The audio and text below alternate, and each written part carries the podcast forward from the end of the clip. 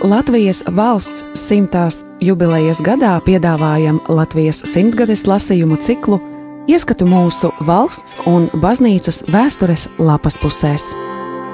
Julians Vaivots Septiņi mēneši Liepājas cietoksnī No 1944. gada 9. oktobra līdz 1945. gada 9. maijam.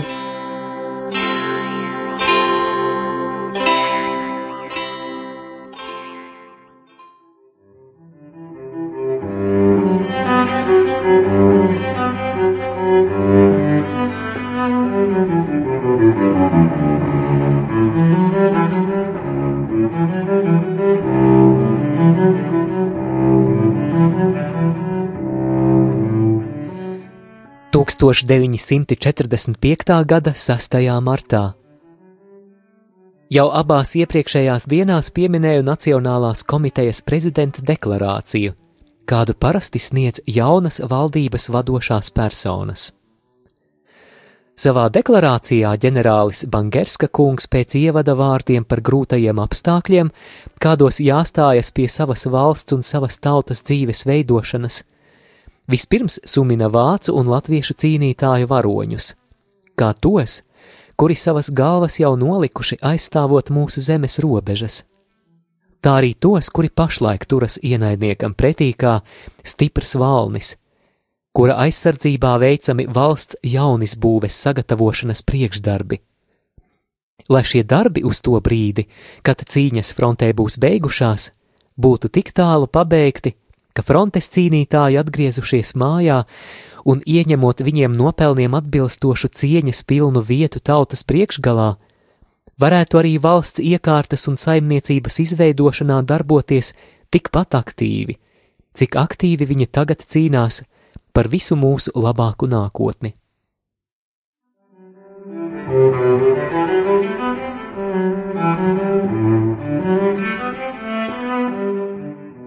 Jaunā prezidenta uzdevumi pašreizējos apstākļos esot tik grūti, ka vienīgi pienākuma apziņa pret Latviju tautu un pret tiem, kas frontē, nebaidoties ne no kādām grūtībām, ik brīdi gatavi likt ķīlā savu dzīvību par labāku Latvijas nākotni, esot spiedusi viņu šos pienākumus uzņemties, teica ģenerālis Bangerskis. Prezidents tālāk paskaidro, ka pašreizējos apstākļos nevarot nākt pie klātesošiem ar izsmeļošu programmu, kurā būtu sīki izklāstīta paredzamā pagaidu valdības likumdošanas un administratīvā darbība. Šodien pat nesot vēl iespējams stādīt priekšā jau gatavu nacionālo komiteju, jo dažus komitejas locekļus esot paredzējis aicināt no varonīgo frontes cīnītāju vidus, kas varēšot notikt tikai kurzemē bet namam, kurš no jauna jāceļ, mūsu tautas valstiskai kopdzīvei liekami droši pamati. Galvenais valsts pastāvēšanas pamatakmens ir ārējā un iekšējā drošība, teica prezidents. Un visi uz papīra rakstītie līgumi, uz kādiem agrākos gados pamatota mūsu valsts drošība, izrādījušies tikai bezvērtīgi papīra gabali, ja šos līgumus neatbalsta ar reālu spēku.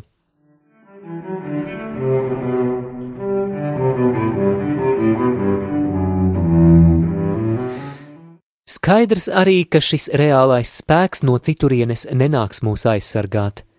Ja mūsu aizsargāšana nebūs reizē ar to arī aizsargātāju pašaizsardzības lieta.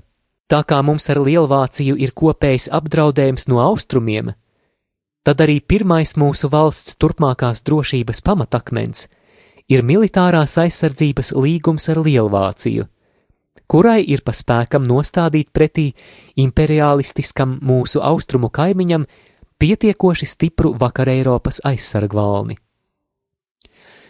Otrs valsts pastāvēšanas un plaukšanas pamatakmens ir veselīga privātsaimniecība kā lauksaimniecības, tā rūpniecības nozarēs.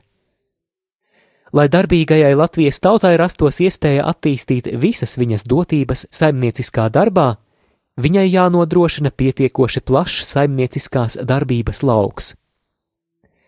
Šādu plašu saimniecisku darba lauku mēs saskatām brīvā saimnieciskā sadarbībā ar mūsu lielo rietumu kaimiņu Lielvāciju, nenorobežojoties no viņas tirgiem un viņas ražojumiem ar augstiem muitas vaļņiem, bet nodibinot ar šo kaimiņu muitu uniju.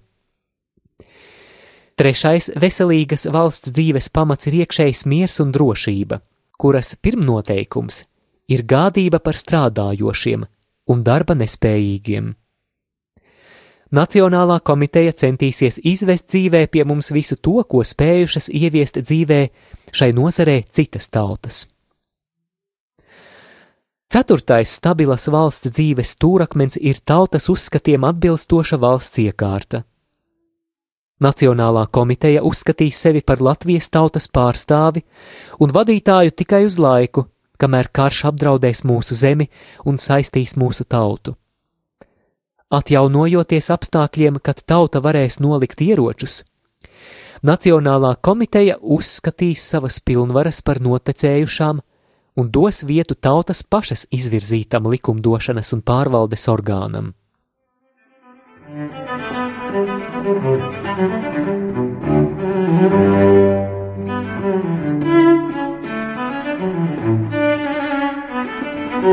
you.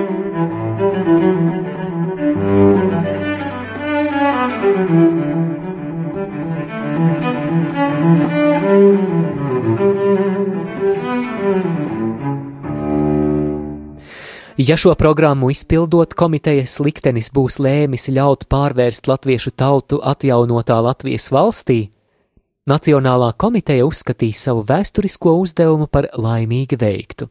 Kamēr latviešu tautai būs jāstaigā bēgļu gaitas, Nacionālā komiteja ziedos visus savus spēkus bēgļu aprūpībai kā materiālā, tā arī garīgā kultūras laukā, un gatavosies vislielākam savam uzdevumam pēc kara beigām sagādāt visiem latviešiem iespēju atgriezties savā tēvijā. Mums uzvara un brīvība jāizcīna asinīm un sviedriem. Darbs ir vienīgā pretvērtība, ko mēs varam sniegt Lielvācijas tautai par mūsu zemes aizsardzību un par to viesmīlību, ko viņa parāda mūsu bēgļiem. Es uzskatu par savu pienākumu brīdināt visus tos, kas izvairās no ražīgā darba, iedomājoties, ka viņiem nav nekādu pienākumu pret tiem, kas mums dod patvērumu, nec pret Latvijas nākotni.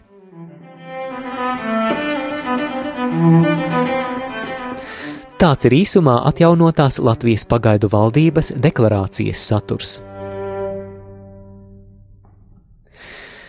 Ja šī Latvijas atjaunošana būtu notikusi tūlīt pēc vācu iesoļošanas mūsu zemē, tad noteikti nebūtu bijis neviena dezertiera starp latviešiem un gandrīz tikpat droši var apgalvot, ka Latvijas robežas uzbrucēji nebūtu pārgājuši vēl šodien. Lielus un pat pārāk lielus upurus ir nesusi Latviju tauta par šo nokavēto žēlastību. Tāpēc jācer, ka šim pasākumam tomēr būs lemts izveidoties vēlamā virzienā, jo tautas asinis un asaras – bez pašas tautas vainas lietas nekad nevar iet zudumā. Kas sēž raudādams, tas pļaus dziedādams, teica dieva vārdi, un tie nevar cilvēku cerību pievilt. Pēc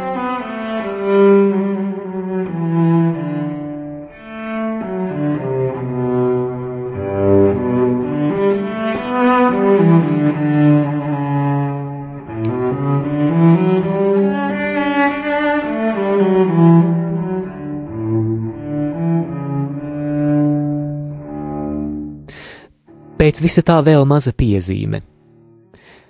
No tēvijā ievietotiem apsveikumiem Latvijas Nacionālajai komitejai vērojams, ka viņas ievēlēšanas akts Vācijā nav ticis uzskatīts kā latviešu privāta lieta, kas notikusi mājas kārtībā.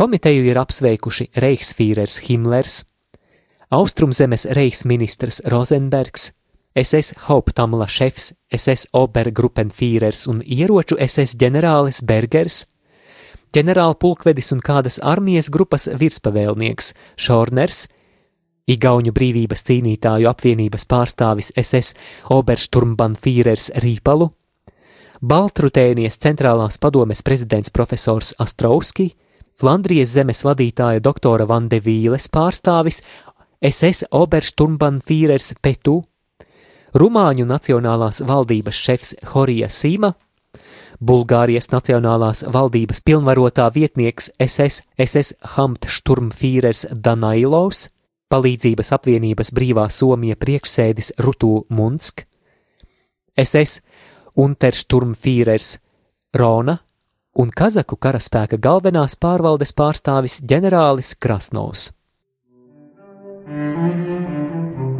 Thank you.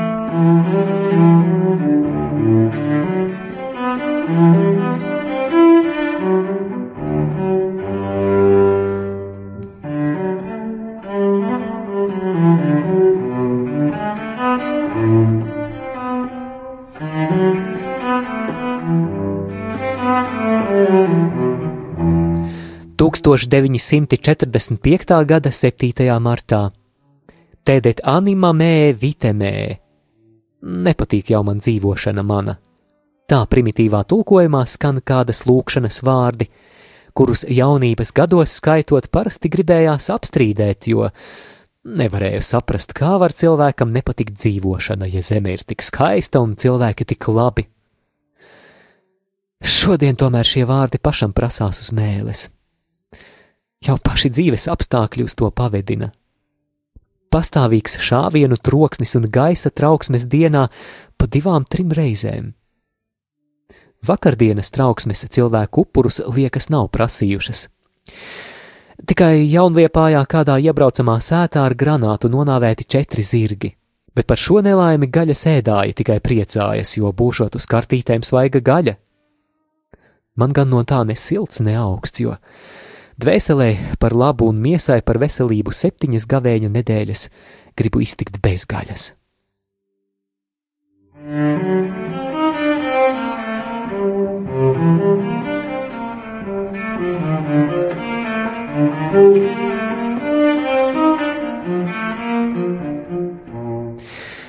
Iedzīvotāju vispārējais trūkums un veco cilvēku liela mirstība katru dienu kā sodrēji gulstas uz sirdi un bojā gara stāvokli. Klāt vēl nāk uzbāzīgas vecuma pazīmes.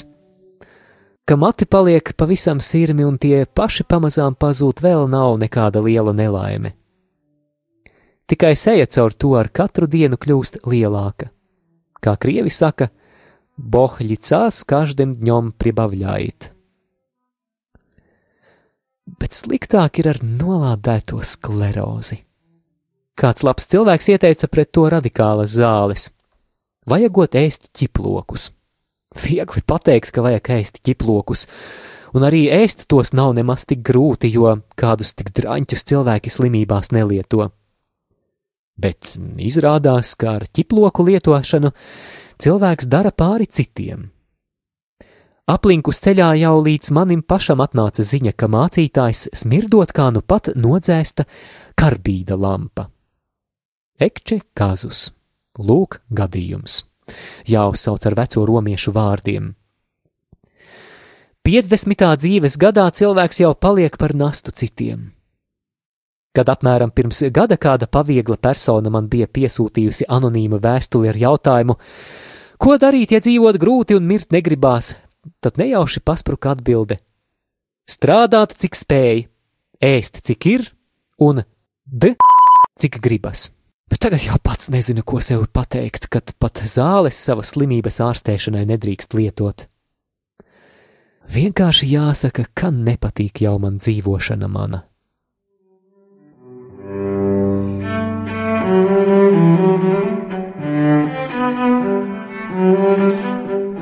Ir tomēr cilvēki, kuri jau sirmā vecumā ar savu dzīvi bijuši tik apmierināti, ka to uzskatījuši par laimīgāko dzīves posmu. Tā kā itālietis Luigi Cornaro, būdams 83 gadus vecs savā apcerējumā Discorsi della Vita Sobrija, pārdomas par atturīgu dzīvi, sirdīgi oponē tiem, kuri dzīvi pēc 65 gadiem nosauc par dzīvu nāvi. Šim vecajam vīram gan ir bijuši spīdoši dzīves apstākļi, bet liekas vēl spīdošāka veselība. Kā pierādījumu tam, ka viņš nemaz nejūtoties vecs, tas min faktu, ka neskatoties uz saviem 83 gadiem, esot sarakstījis komēdiju, uz ko parasti spējīgi esot tikai jauni cilvēki. Veci vislabākā gadījumā varot rakstīt tikai traģēdijas. Tātad viņa dzīve nesot nekāda dzīvā nāve, un to viņš negribot mainīt pat pret daža jaunekļa dzīvi. Tiešām, viņa apcerējumam, kuru tas sarakstījis 95. dzīves gadā zem nosaukuma traktāts, ir bijusi tik liela piekrišana, ka tas vairākas reizes pārdrukāts. Savu dzīves prieka noslēpumu šis cilvēks ir laidis atklātībā, gribēdams ar to izdarīt cilvēcei pakalpojumu. Bet man liekas, ka te lieta grozas ap dabas dotu spēcīgu organismu, kas vērojams no kādas piezīmes viņa rakstos, kur teikts, ka nākot mājās viņu satiekot 11 mazbērni no 2 līdz 8 gadu vecumā, un tie visi esot no viena tēva un vienas mātes. Pats viņš ir miris 1565. gadā, pāri par simt gadu vecumā. Tie jau ir ļoti seni laiki, un tāpēc jāšaubās, vai šī vīra padomi priecīgam vecumam vispār šodien kādam noderētu, nemaz jau nerunājot par mācītāju. Mēs zinām, ka kādreiz cilvēki ir dzīvojuši simtiem gadu un bērnus skaitījuši ne gabaliem, bet dučiem. Mūsdienu cilvēkiem tas izklausās pēc pasakas, un nekādi padomi līdzīgus rezultātus nevarēs dot. Tāpēc jāsamierinās ar domu par vecumu un visām tā sakām.